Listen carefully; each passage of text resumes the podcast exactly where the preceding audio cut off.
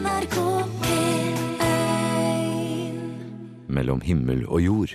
Søndager fra 9 til 11. Har du fått nok av blest og utriveligheter, så skal du vite at her hos oss er det ganske vindstille. Vi kan til og med by på dovne bølger, om det er det du ønsker. Eller du kan ta deg ut i skogen en solfylt sommerdag. Vi skal dessuten varme oss på gode historier fra virkeligheten.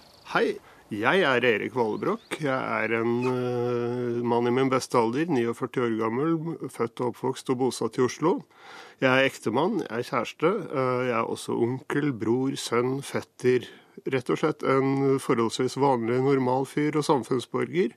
Men det er én ting som skiller meg fra en god del andre på min alder og i min situasjon, og det er at jeg ikke er far, og jeg har heller ingen planer om å bli det.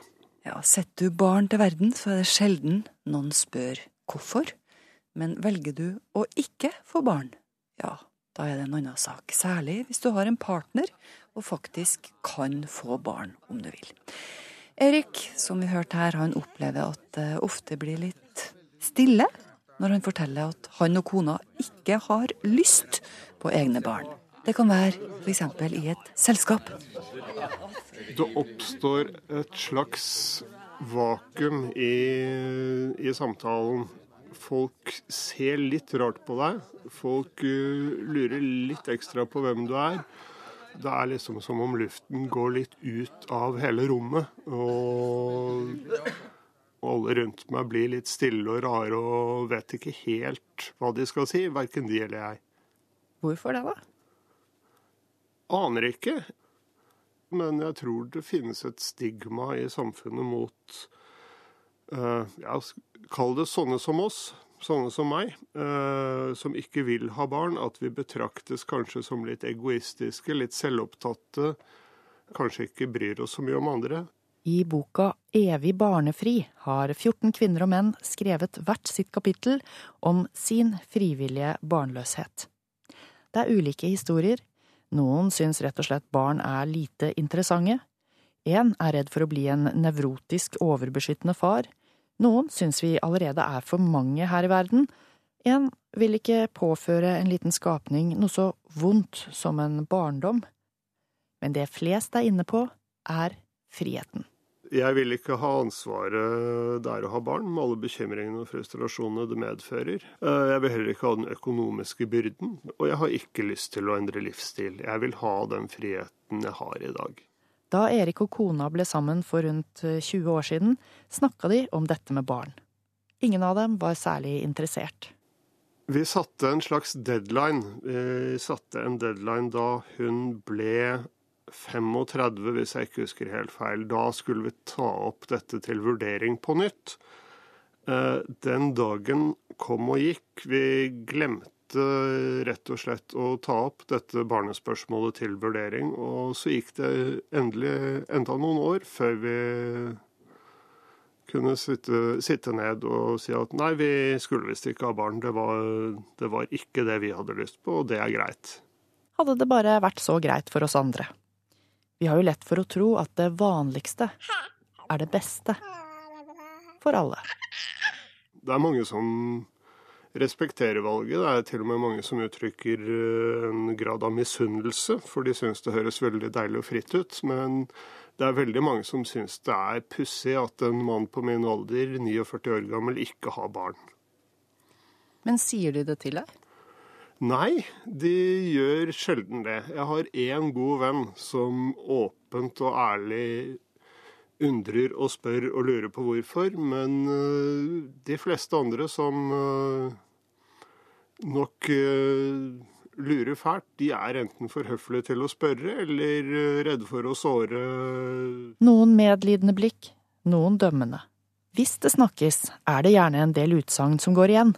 Her kommer et knippe. Er det ikke egoistisk å ikke få barn? Det er vel ikke noe mindre egoistisk eh, ikke å få barn som det er å få barn. Jeg tror at de aller fleste som får barn, gjør det for sin egen del. Men det er jo så hyggelig med barn. Ja, det er det. Det er veldig hyggelig å være onkel eh, til mange barn også. Jeg er onkel til seks barn og syns det er helt supert. Jeg er veldig, veldig glad i alle seks. Men det er veldig hyggelig å kunne si ha det til dem og glede seg til neste gang man ser dem, i stedet for at de skal være en del av livene våre 24 timer i døgnet. Men hva når du blir gammel? Ja, hva da?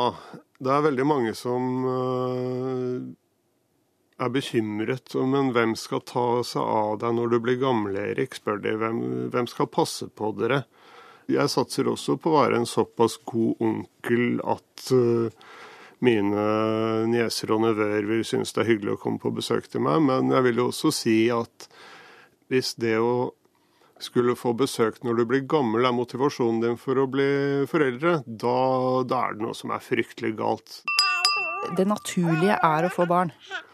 Ja, det er nok det. Vi, vi, er jo kjent for å formere oss, vi mennesker. Så ja, det er naturlig å få barn, men jeg tror ikke verden nødvendigvis trenger så mange flere barn som eh, vi faktisk setter til verden.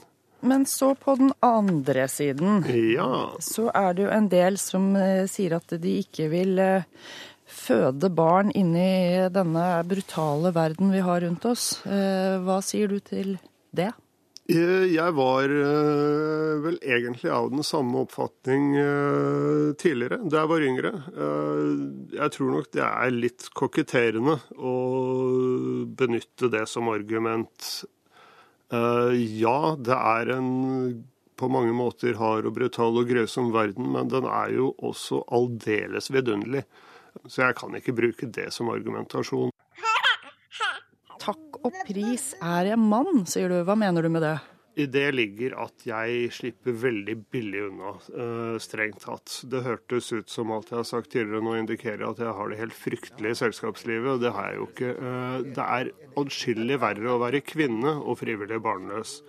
Det er da du virkelig blir stigmatisert, har jeg inntrykk av. Det, det oppfattes av mange som selve essensen av å være kvinne og bli mor. Det er ingen som stiller spørsmål ved min mannlighet eller manndom i forbindelse med at jeg ikke er far. Møter dere eh, folk som syns synd på dere? uh, ja, det tror jeg. Uh, men jeg skjønner ikke helt hvorfor de gjør det. Det er en uh, merkelig reaksjon, men jeg tror faktisk en del mennesker synes synd på oss, ja. Hva er det du vinner eller velger når du har bestemt deg for ikke å få barn? Det er mye fint. Eh, jeg velger jo en fleksibilitet som småbarnsforeldre bare kan drømme om. Jeg står fritt til å kaste meg rundt og gå på en konsert, ta en helg i London øh, kommende helg hvis det passer meg, sove lenge på en søndag, jeg kan øh, spille høy musikk midt på natta. Jeg kan, jeg kan gjøre en hel masse ting som foreldre ikke kan. Men hva er det du mister? Jeg mister jo mye. Jeg mister øh, følelsen av å bygge en familie. Og det ser jeg jo. Det ser fryktelig hyggelig ut. Vi, ja, vi, vi, må rett og slett velge hva vi vil ha, og så får man heller leve med det man går glipp av. Det, er det ikke det ene, så er det det andre. De som får barn, går jo også glipp av veldig mye. Det sier Erik Valbrok, som ikke har egne barn da, fordi han ikke har lyst på det. Reporter var Ragnhild Sleire Øyen. De beste kortdokumentarene for radio ble kåra nylig. Det var søsterkanalen vår, NRK P2, som inviterte hvem som helst, egentlig, til å bli med i konkurransen. Og på førsteplass så kom en dokumentar som heter Albinokanin til middag. Men her hos oss så skal vi spille av for deg Skrotten og Stiklingen, som kom på andreplass. Silje Ensby heter hun som uh, har laga denne uh, lydfortellinga, og det her varer ikke lenge, så jeg anbefaler deg å rydde plass rundt deg, og sette deg ned og hør godt etter. Det er det verdt. Ok, jeg tenkte vi skulle snakke litt om forhold. Se for dere et eple. Hver gang du er sammen med noen, så får de med seg en bit av deg. eplet, det blir mindre og mindre. Når du endelig møter den personen du har lyst til å gifte deg med, så rekker du ham hjertet ditt, det mest dyrebare du har, så ser han ned på hendene dine. Der ligger det en epleskrott. I det miljøet jeg vokste opp i, brukte man ofte bilder og metaforer for å formidle verdier og ideer til oss barna. Ok, her har jeg en femtelapp. Vær så god. Vær så god. Vær så god. Hva er det som har skjedd med femtelappen nå? Jeg kan ikke bruke den. Nettopp. Den er bare verdt noe når den er hel. Hvis du sparer den, og så gir hele, er ikke det mye hyggeligere? Vi tok poenget. Et hjørne av en femtelapp var ubrukelig. Ingen vil ha en epleskrott.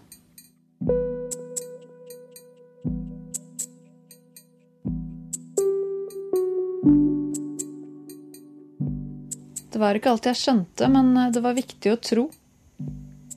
For det lurte farer ved å tvile på Guds ord. Det kunne være djevelen som sådde frø av tvil i ditt sinn. Han var også en fugl, som først la ned en tilsynelatende uskyldig gren på hodet ditt. Så en til. Til slutt var det et helt rede. En bolig for det onde.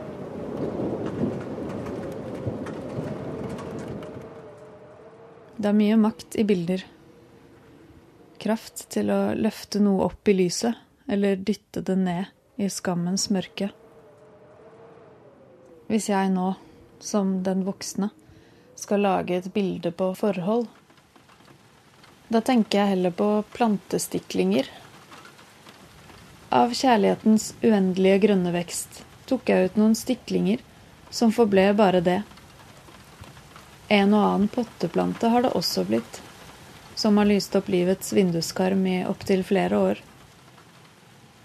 Og nå, en av stiklingene har slått rot. Et lite tre med en stamme man kan lene seg forsiktig mot.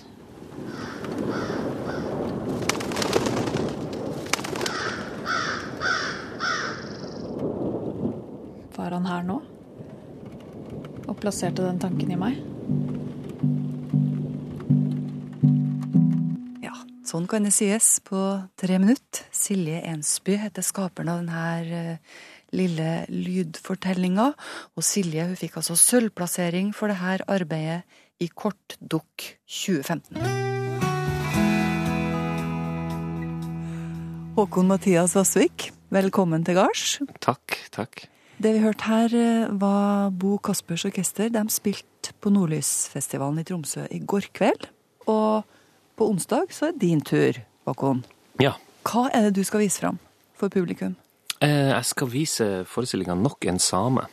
Det må du forklare hva er for noe. Ja, altså Nok en same er jo et uh, ordspill, kan du jo si. Eller veldig, hvis man sier man er same, så kan man uh, nå da bli møtt med Ja, men hvor samisk er du, det? Ja.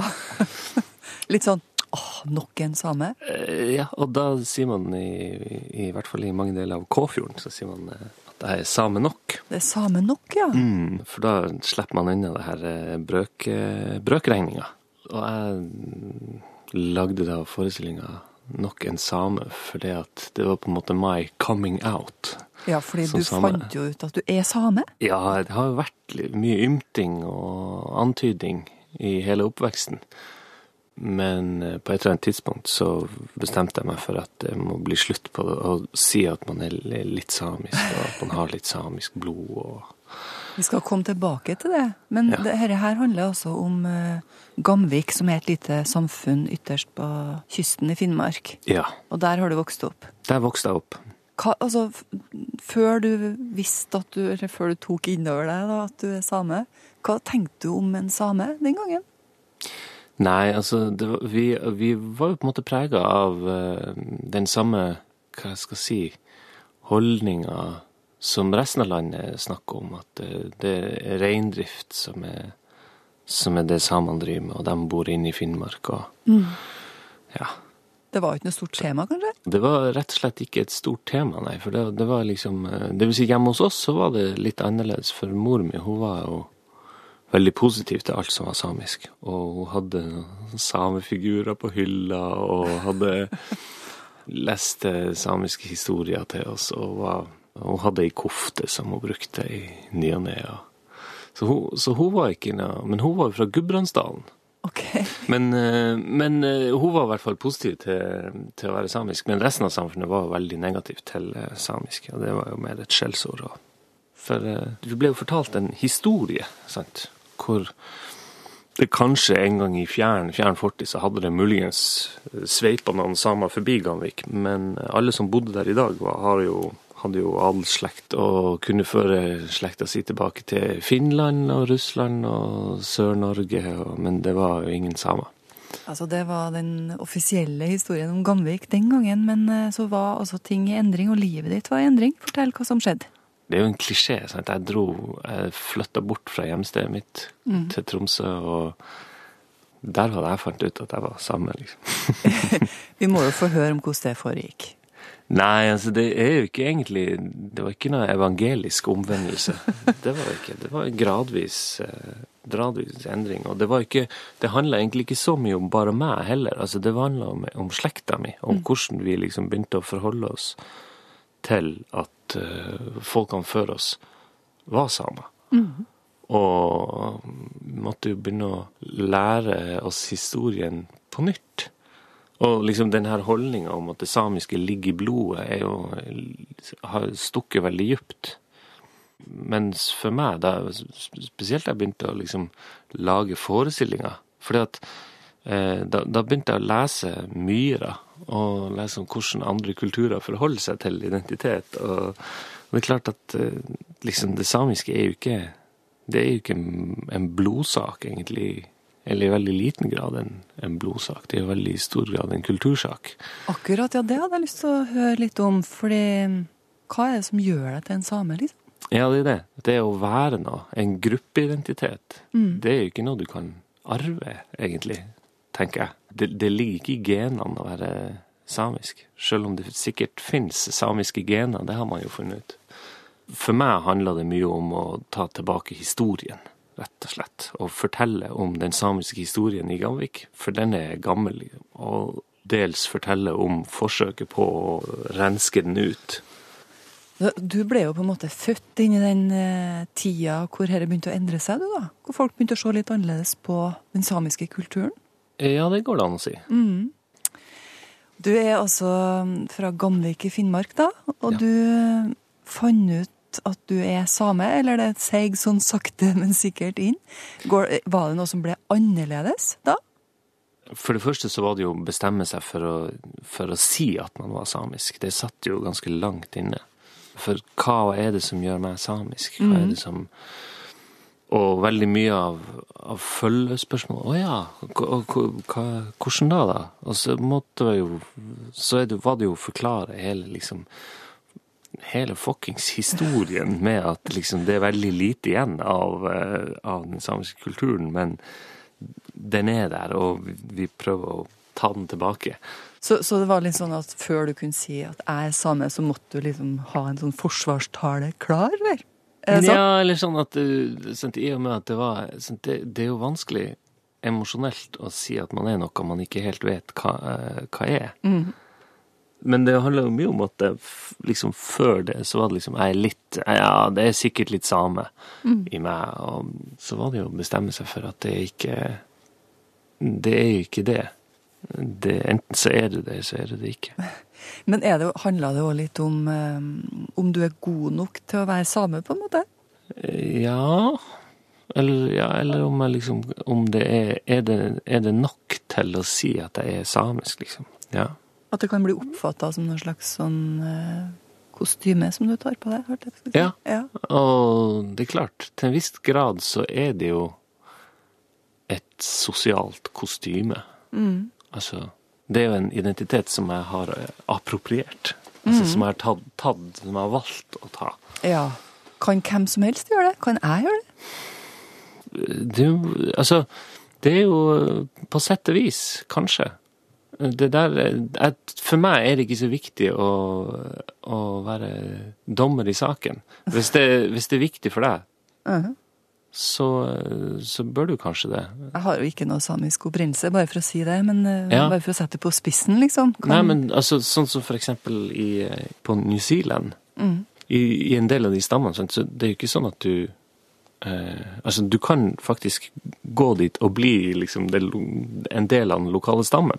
Nesten som en sånn religion, at du blir en kristen, eller du Ja, blir en muslim, altså, eller Det er jo også identitet. Liksom. Apropos det, vi bruker jo å spørre folk om eh, hva som fins av religiøsitet i livet til folk. Har du tatt med noe fra samisk religion inn i livet ditt? Eh, For det første så var det jo ikke religion, det var jo livssyn. Det var jo måten man så verden. Det var jo ikke en, liksom, noen, noen som kom med ei bok og forklarte at eh, verden ser sånn og sånn ut. Hvis ikke du uh, gjør sånn som vi sier, så tar vi livet av deg.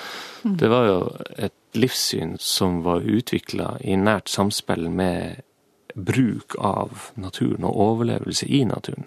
Sant? Så, det, var- så den var jo eh, veldig praktisk orientert og pragmatisk. Altså med det at hvis noe viste seg å ikke stemme, så var det jo bare å endre det. Ja, var det så enkelt? Nei, det var sikkert ikke så enkelt. Det er klart, du hadde jo eh, noaidene som eh, sitter med en spesialnøkkel til sannheten. Eh, sannsynligvis ikke endra seg så lett, men det var jo personer.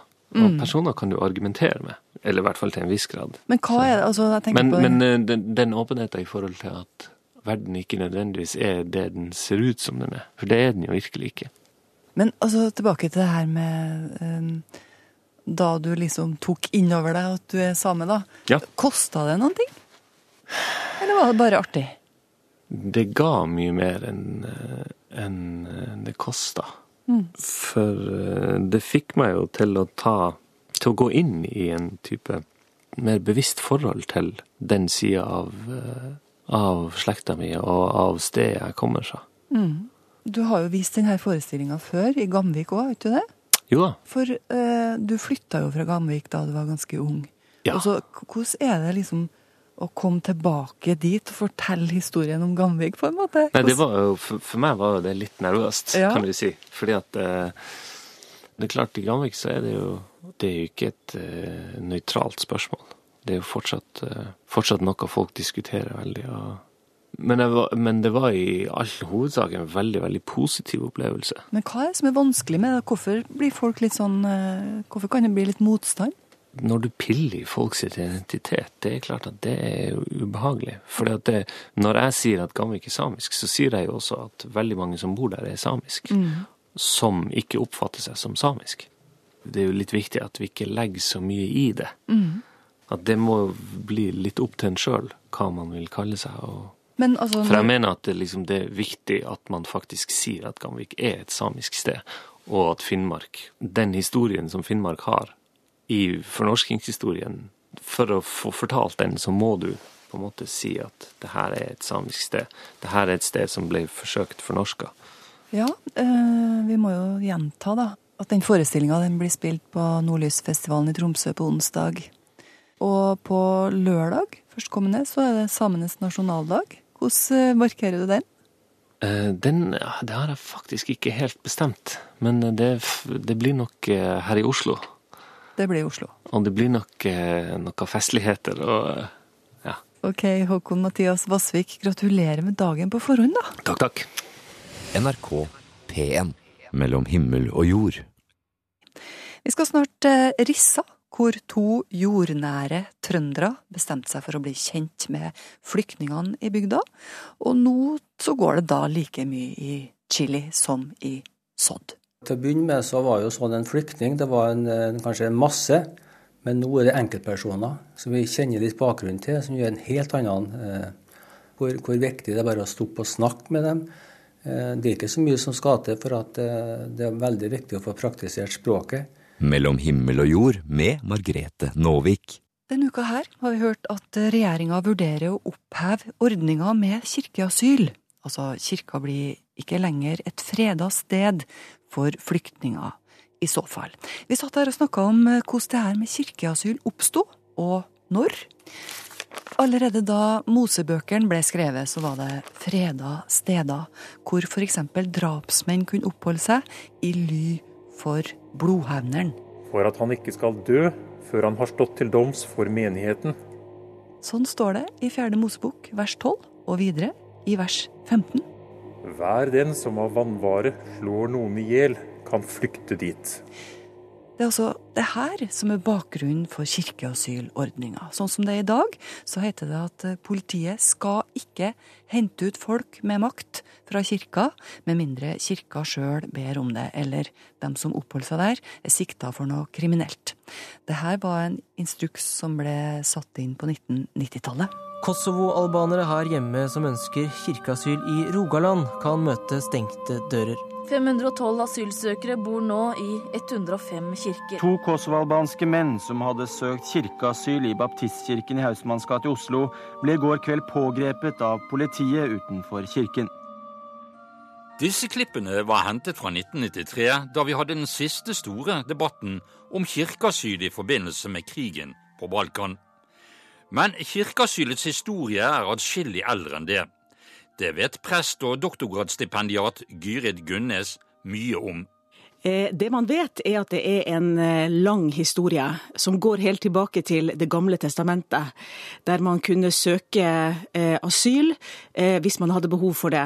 Man har også spor av dette her i europeisk middelalder, som kanskje er mer nærliggende å sammenligne med. Der hadde kirkeasyl en rettslig status, som betydde at hvis man var på flukt, eller hvis man var anklaget for kriminalitet, så kunne man søke om kirkeasyl. Eh, og det var også sånn at særlig da folk Altså hvis det var krig og man havnet på gal side av fronten, og da var omringet av fiendtlige soldater, så kunne man da søke kirkeasyl. Eh, eh, men det er klart middelalderen var et helt annet samfunn enn vårt eget. I England så ble denne, denne type eh, legale eller, eller, juridiske kirkeasylet avsluttet i 1623. Sånn at, sånn at i dag har kirkeasyl ingen, ingen eh, eh, juridisk status, men det er på en måte mer en, en, en etisk, situasjonsbestemt handling. Vi, vi, husker jo alle fra 90-tallet eh, under krigen på, på Balkan. At eh, kirkeasylet igjen ble aktuelt da for eh, bl.a. kosovo-albanske asylsøkere.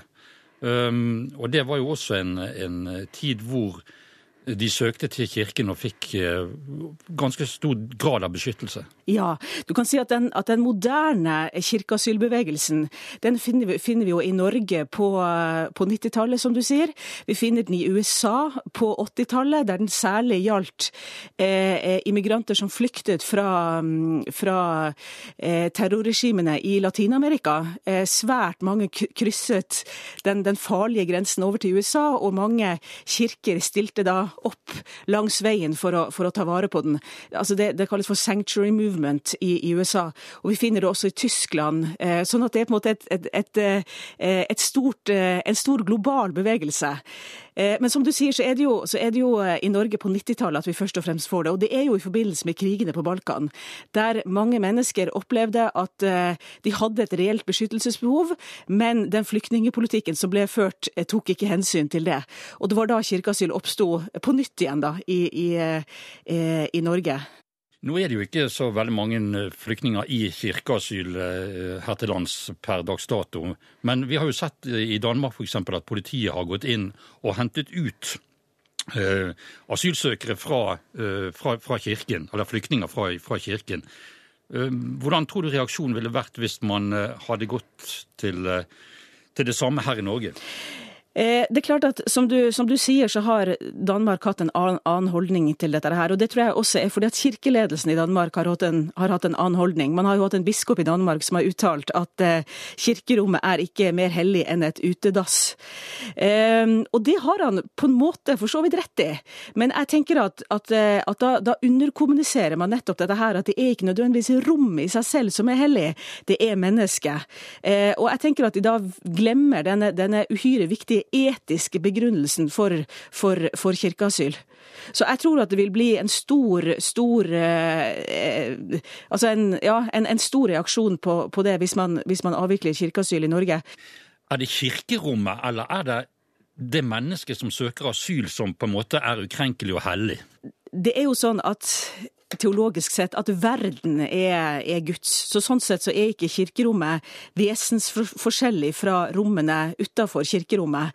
Eh, så Sånn sett så er det ikke rommet i seg selv som er hellig, men det er, det er menneskeverdet. Det er det sårbare mennesket. Og det å da eh, ha en type sånn ekstra garanti for at man kan ta vare på mennesker som er i en akutt eh, sårbar situasjon som flyktninger er, det, det, det, er, det er, å ivareta eh, menneskets hellighet. Og, og, og, kirkerommet er kanskje det primære uttrykket vi har nettopp for fortellingen om at mennesket er mer enn å være borger, mer enn å være eh, asylant, men at mennesket bærer i seg en iboende hellighet. Og Sånn sett så gir det veldig mening at det er nettopp kirkerommet som, som, eh, som flyktningen søker til. Det sier Jyri Gunnes til Jan Rye Rannestad og oss andre. Vi har snakka mye om godhet her i NRK den siste uka, det har du kanskje lagt merke til. Og vi har fått mange historier fra lyttere og lesere som handler om akkurat det. Godhet. godhet. Hva er godhet? Slippe andre mennesker til. Godhet. Vi fikk barn nummer tre i desember, og noen venner av oss ordnet det slik at vi fikk varm middag på døra i to uker. Herlig godhet. Da jeg var i London i fjor sommer, fikk jeg noen forferdelige gnagsår på hælene. Og jeg gikk og tråkket ned baksiden av skoene mine da en dame som også var turist, kom og prikket meg på skulderen og ga meg gnagsårplaster som hun hadde i veska. Og så hjalp hun meg til og med å sette dem på. Jeg sovna på siste nattbuss og våkna opp langt hjemmefra. Men bussjåføren kjører meg hjem til døra før han tar bussen til sentralen. Jeg var 18 år og hadde fått meg sommerjobb på en butikk. På den tida var jeg ei usikker, sjenert jente med dårlig selvbilde. En dag sa sjefen min til meg, 'Du har så fin sjel'. Det komplimentet husker jeg enda, ti år etterpå. Det er det fineste noen har sagt til meg for det var så oppriktig og enkelt. Ja, du finner flere godhetshistorier på Facebook-sida vår NRK Livet. Du må også veldig gjerne sende din egen. Når ble du utsatt for godhet? NRK Livet også på Facebook. Jeg er på tur til Rissa. Det er en kommune i Fosen i Sør-Trøndelag. Jeg sitter på en ferge som krysser Trondheimsfjorden. Rissa kommune har tatt imot eh, flyktninger. De fleste er unge mennesker mellom 20 og 30 år. I Norge så snakkes det jo mye om integrering i disse dager. For mange flyktninger skal etter hvert plasseres inn i det norske samfunnet, i by og bygd. Selve ordet integrering, det betyr å gjøre fullstendig å fullføre eller å gjenopprette en tidligere tilstand. Det betyr vel at når vi bruker ordet integrering om flyktninger, så må vel dette da handle om at de nyankomne skal oppleve at de etter hvert lever et 100 fullverdig liv på linje med resten av innbyggerne. Både når det gjelder ja, naturlige krav som samfunnet har til oss alle, og rettigheter eller goder, om du vil. Når dette har skjedd, så er altså et, et menneske integrert. Jeg heter Mikael Sehe og kommer fra Eritrea. Jeg har eh, vært i Norge i to og et halvt år. Eh, jeg heter Almas Tesfagaver, kommer fra Eritrea. Ja, jeg heter Jaber. Hvor lenge har du bodd her? Uh, et år og halv.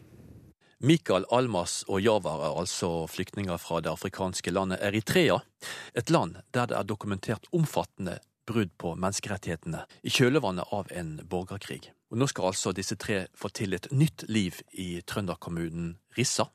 Å bo i Rissa, som jeg har sagt, er det både fordeler og ulemper.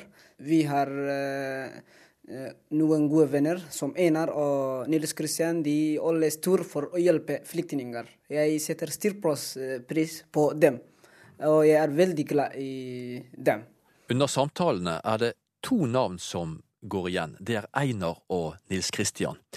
Det viser seg at disse to har opparbeidet seg en høy status hos eh, alle tre. Hva er det de gjør? Som for eksempel eh, eh, Einar hjelper med å kjøre bil og besøke oss, og vi, vi besøker hverandre. Og han er veldig eh, utrolig snill. Så når jeg vil eh, gå på butikk og kjøpe noen, de hjelper meg. Kan ikke bare å tunge ting. De hjelper meg med. Også når barna vil ute og leke, de hjelper meg òg. Hva hjelper de med da? Å kjøre til eh, kirka og alt. Hvor, hvor gamle er barna dine? Nesten 12 og 14 nå, i april. Begynner å bli sånn tenåringer. Ja, ja de er tenåringer nå. ja, en gutt, en jente. Føler du at de har blitt eh, integrert i, eh, i Rissa her? Ja, veldig. De er uh, gode venner, og de går på fotballtrening og andre ting. De går på skolen, de har gode venner. Hva tenker du om det, da? Jeg tenker det er god integrering for meg og for barna. For meg er det veldig god. Veldig bra. Sier Almas, som altså kom til Norge for drøye to år siden. Hun er eh, ortodoks kristen. Som du hører, Nils Kristian og Einar blir stadig nevnt som støttespillere. De hjelper tobarnsmoren Almas med innkjøp, kjører hjem varer, kjører barna til ulike aktiviteter, og felles måltid har de også. Du skal straks få hilse på hjelperne. Javar han er muslim og har vært i Norge kortest tid. Også han skryter av støtten han får fra Einar og Nils Kristian. Når jeg har problem, jeg kan kontakt med Einar og med Nils om jeg også en person hjelper meg vel Einar også lærer å kjøre bil. Sier Javar, som forteller at han også får hjelp til øvelseskjøring. Fylle ut eh, diverse skjema, i det hele tatt hjelp til å administrere seg selv i et ofte byråkratisk norsk samfunn. I tillegg er han godt i gang med å lære seg norsk. Mikael, som er kristen, han er pinsevenn, han sier spøkefullt at Nils Kristian burde vært bygdas eh, sjef. Vi kan si at han er eh, beste ordføreren i Rissa. Fordi eh, han, det er han som treffer oss, og han spør om hvordan foregår ting. Jeg setter stor pris på ham, og han samler oss eh, av og til eh, hjemme hos ham eh, og i forskjellige plasser. Så da fikk sporet om forskjellige ting. Han, han, spiller veldig stor rolle i flyktninger, fa familien hans også. Mm. Men du ville helst hatt han som ordfører? For meg Jeg synes det er litt Fordi de, de, de, spiller uh, store roller for oss, mm. i alle fall. Ja. Nils Christian Hassel nå er jeg pensjonist, ja. Jeg er utdanna lektor, da, og så har jeg eh, vært inspektør ved Rissa videregående skole i mange, mange år. Det er Einar Rokseth. Jeg arbeidet nå i noe som heter for Nav, jeg, da. Det var jo Trygdeetaten det het mest av tida jeg arbeidet fra 1960 til 2012, da. Sånn høres de altså ut, pensjonistene Einar og Nils Kristian. De er ikke tilknyttet det offentlige hjelpeapparatet, men de har møtt og de har sett bygdas nyankomne. Og kjemien har stemt, til tross for at det er to helt ulike kulturer som møtes. Etter musikken skal du få høre hvorfor de har involvert seg, for de kunne jo helt velfortjent lagt seg til på sofaen og slappet av etter et langt yrkesliv i statens tjeneste. James Taylor, 'Shower the People'. Du lytter til Mellom himmel og jord. Vi har stoppet i Rissa i Sør-Trøndelag. Vi har nettopp snakket med tre unge flyktninger fra Eritrea, som har fortalt om den gode støtten og praktiske hjelpen de har fått av pensjonistene Einar og Nils Kristian i Rissa. Denne hverdagsstøtten har vært helt avgjørende for at Almas, Javar og Mikael begynner å bli integrert i det sosiale liv i Rissa, har de fortalt. Men Einar, hvordan oppsto den aller første kontakten? Det begynte vel med at jeg ble spurt om jeg kunne kjøre noen til kirka en søndag. Så, ja, så ble jeg nå litt mer og mer kjent med dem. Sammen med dem på fritida og på heim til dem, og de var nå litt heim til meg òg. Og så kom det noen av dem som var muslimer, kom på besøk også, til de andre der. Så ble jeg litt kjent med dem òg. Og har jo bare stadig blitt mer og mer kjent. Men Hva gjør dere når, dere treffes, da? Det som jeg gjør veldig mye, det er jo Det ble jo spørsmål om jeg kunne hjelpe noen med å kjøre bil. De ønska å ta sertifikat, da, men det syns de er jo veldig kostbart da, å få litt hjelp til det. Og det har jo liksom vært det bare mer og mer av det, da. Så, Så du har begynt som eh, sjåførlærer du da, nærmest? Nærmest det, ja. Så spesielt om helgene, da, lørdagene og søndagene, når de ikke har skole og sånn, så er det ganske mye av det, da. Ellers da så går vi jo på besøk til dem og drikker kaffe og sånt, da. Det kan så etter når vi har kjørt, og noen ganger før òg. Og rett som det så blir jeg jo bedt på annen mat til dem òg. Det som jeg vil nærmest kalle for middagsmat, da. Nærmest. ja.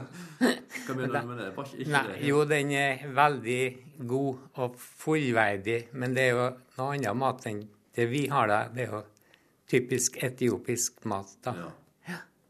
Så du tåler noe annet enn sodd? Jeg tåler ja. An- annen mat enn sodd, ja. Det går mye på indierne nå for tida. og det er godt, det òg, når det venner seg på det.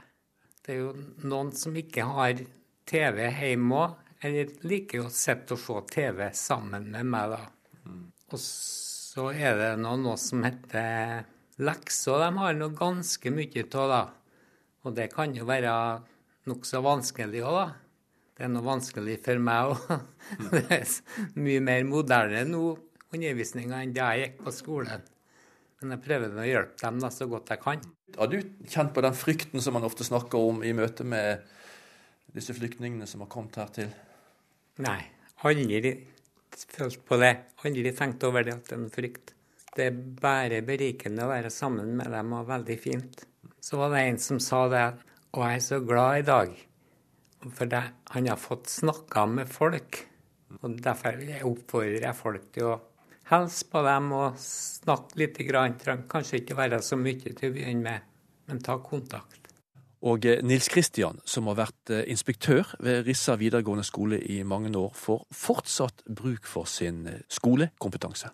Hjelpe Hjelp til med internett, med skriv CV. eh, Hjelpe ellers med hvis det er noe de trenger. og Spesielt med kan være et problem med språket, kanskje, så kan vi hjelpe til litt.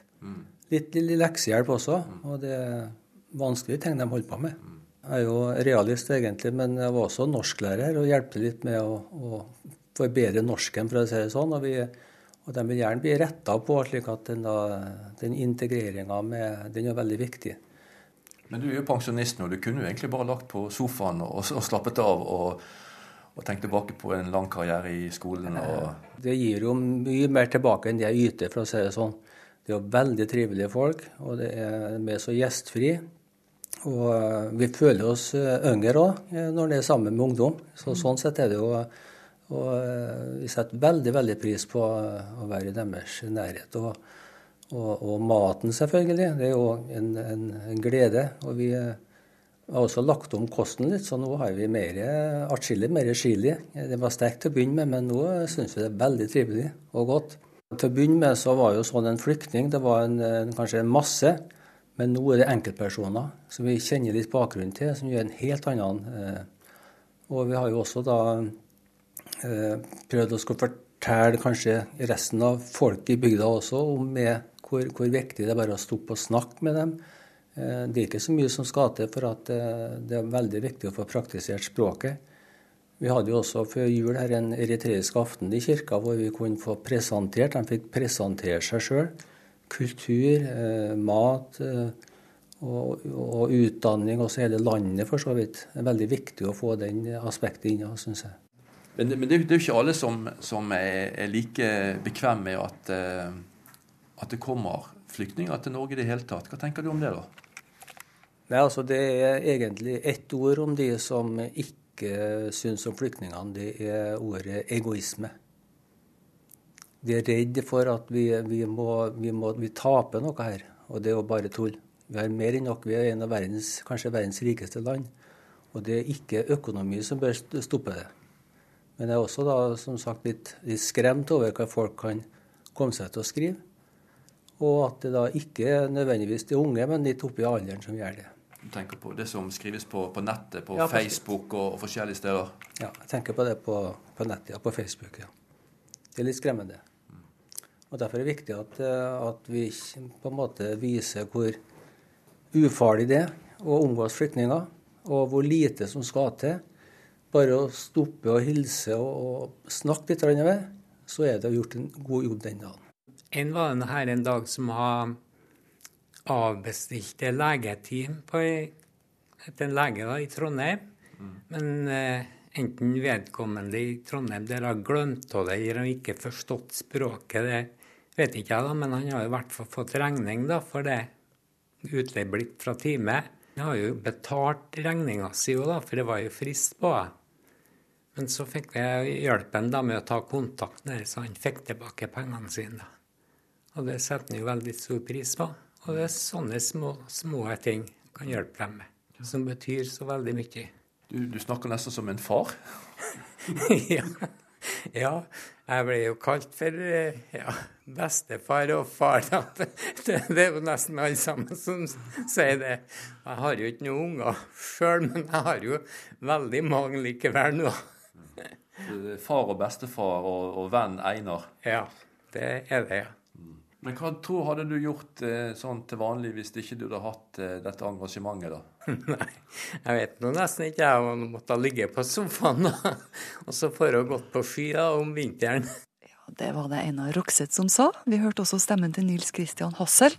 De her to trønderne med beina på bakken har altså fått en ny vår sammen med bygdas flyktninger. Og vi lover å si at eh, det er ikke bare de her to som stiller opp, det er mange i Rissa som gjør sitt beste for at flyktningene skal kjenne seg mest mulig velkommen. Ove Gundersen var vår mann i Rissa. Exactly what happened last night. There was a moment when I wasn't me. There was a moment when I was just Lily. Nå på fredag så kan den som vil gå på kino og høre og se da, historien om eh, Einar Wegener, som antagelig var den første personen i verden til å korrigere sitt kjønn, som man sier. The fact is, I believe that I'm a woman. And I believe it too. Han som etter hvert ble hun, da, ble født med mannekropp i Veile i Danmark i 1882 og virka som kunstner i København. Tok etter hvert navnet Lilly Elbe. Vi har hørt mange sånne historier de siste åra, men hvordan er det å være mor og måtte foreta en slags ommøblering i hodet? Du trodde du hadde ei datter, men så var det en sønn. Jeg var en plass mellom eh, Mo i Rana og grense Trøndelag. Eh, Vi var på tur på ferie eh, da han fortalte det. Jeg, bruker å si at det kokte i hodet, for jeg, jeg, det var så mange spørsmål mm. som, som kom hos oss voksne. Og, og han stilte jo mange spørsmål. Ja, hvordan det er, hva- kan jeg gjøre da? Og, og jeg visste ikke. Um, og et, eh, I et visst TV-program så, så sier det at man kan ringe en venn, og det gjorde jeg. Um, jeg ringte en, en kompis som er, som, er- som er psykolog, og så sa jeg, har du gått borti det her, er det, noe, er det noen som kan hjelpe? Sammen med Sonja Nilsen i bilen så sitter han som hun trodde var ei datter. Han er 13 år, og snart så skal han ta et guttenavn. Og han har hodet fullt av spørsmål. Så noen dager så sier jeg at vet du, vi må bare ta en timeout, for at jeg har ikke, jeg har, vi, altså, vi har ikke svarene. Nå, vi ikke, nå må vi ta en liten eh, må vi ha fred og snakke om dette, her, så kan vi gjøre det. Så får vi heller ta det opp litt senere i ettermiddag, eller Ja. Kan vi snakke litt om været, liksom? Ja, eller kan vi gå og bade, eller kjøpe softis, eller Sonja har plutselig fått en sønn til. Hun har også en fra før. Men hvordan i all verden er det når du alltid har tenkt om barnet ditt at det er ei jente, det er ei datter, og så skal du begynne å si 'min sønn'? Jeg tulla jo litt med at vi skulle legge oss i treningsleir borti på en eh, campingleir i, i, i Sverige, og så skulle vi øve. Um, og det gjorde vi faktisk. Vi, Mhm. vi dro på ferie, og så trena vi på det. Hvordan gjorde dere det? Nei, Vi måtte jo bare øve oss og si Mats. Og, og, og så ble det jo ho-Mats, og vi har jo den her hersens pronomen framfor. Um, og det gjøre det. Så det ble sånn hun mange ganger framfor. Men vi snakka om det at nå må må du være litt romslig. Og så skal vi prøve å skjerpe oss. Eh, og og, og vi, vi, vi, sier vi feil, så er det ikke med ond vilje. Det er bare Det ligger så i ryggmargen. Vi har tross alt kalla det for noe annet i ti-tolv år. Mm. Og det gikk bra, egentlig. Så hadde vi en avtale om at eh, når vi skulle snakke om fortid, altså, altså fra, fra når han var unge, så så vi for oss at det ble veldig, veldig vanskelig å kunne si Mats da. Men nå er det omvendt. Du klarer ikke å si noe annet enn Mats nå? Nei. Nei. Det er kjempebra. Jeg får ikke til å si at Nei. Det er ikke noe med at jeg ikke vil. Jeg elsker jo det navnet. Det er det navnet til bestemoren min, og jeg er så glad i det navnet at eh, Men det blir helt feil. På et, altså det, det kjennes ikke Det kjennes unaturlig å si det, rett og slett. I hvert fall, det har skjedd noe i meg, eller i oss voksne, som hadde, ikke hadde trodd at skulle skje. I ettertid så ser Sonja at hun kunne ha sett de her tegnene tidligere. Hun kunne ha tenkt tanken før. Han var jo bare, jeg tror han var tre år eh, da han eh, Det var kjøpt en sånn fin sånn Det var egentlig sånn bukse med noe sånn skjørt over. Veldig fin. I rosa. Og det var jo da han sa 'jeg hater rosa'. Vi fikk aldri det på. På denne tida så tenker Sonja fortsatt at hun har ei datter. Hun har bare ei datter som liker å kle seg i gutteklær. Det er ikke snakk om å ha på seg kjole.